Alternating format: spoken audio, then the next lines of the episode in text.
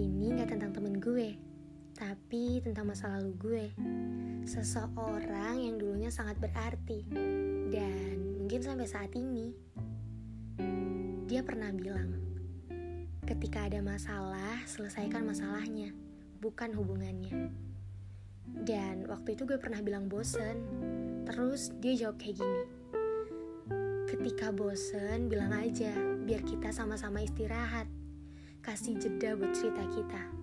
Tapi hanya sekedar koma, bukan titik. Atau kita hanya sekedar ganti halaman, bukan ganti buku. Agar paragraf-paragraf sebelumnya lebih jelas bahwa sebenarnya yang kita bosenin itu percakapannya, bukan orangnya. Dan gue udah mesti ini tuh, emang iya. Bosen sama percakapannya, karena waktu itu kita sempat LDR lama. Dan itu ngebuat gue terbebani. Dan akhirnya kita sama-sama menjeda. Setiap kita ngerasa kita butuh tanda baca dalam kisah kita. Kadang kita sama-sama marah sama-sama kecewa sama-sama mengalah. Dan kadang kita juga sama-sama menumpahkan air mata tapi rasanya sangat indah karena itu kita lalui bersama. Terlalu banyak kenangan yang buat gue susah ngelupain dia. Mulai dari cara dia yang ingin kenal gue dengan cara yang berbeda, cara dia memperlakukan gue, cara dia mengajarkan ke gue kalau pacaran tuh gak cuman buat seneng-seneng. Cara dia yang bersikap dingin seolah gak peduli padahal tahu jadwal harian gue dengan detail. Dia orang yang bisa diandalkan.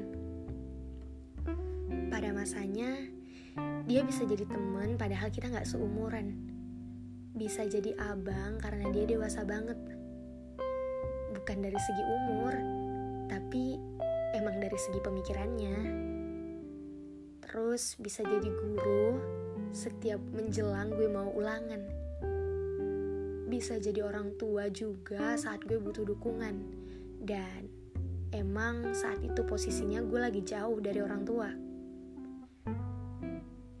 Pokoknya dia bisa jadi segalanya deh buat gue. Dan lagi, dia adalah lelaki yang menurut gue gak cuma ngejaga gue dari orang lain. Tapi, dia juga sangat menjaga gue dari dirinya sendiri. Ini yang paling bikin gue kagum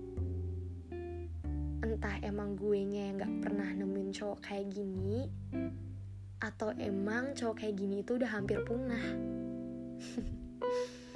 Oke okay, sebangga itu gue sama dia. Menurut gue masa lalu tuh gak seharusnya dibuang. Masa lalu itu juga bisa dikenang kok. Kalau misalnya lo benci karena dia pernah nyakitin lo coba deh inget lagi hal apa aja yang udah dia lakuin untuk bahagiain lo. Pasti banyak banget kan? Jadi mulai saat ini jangan buang cerita-cerita itu. Karena buku lo gak bakal lengkap kalau ada halaman yang lo robek. See you!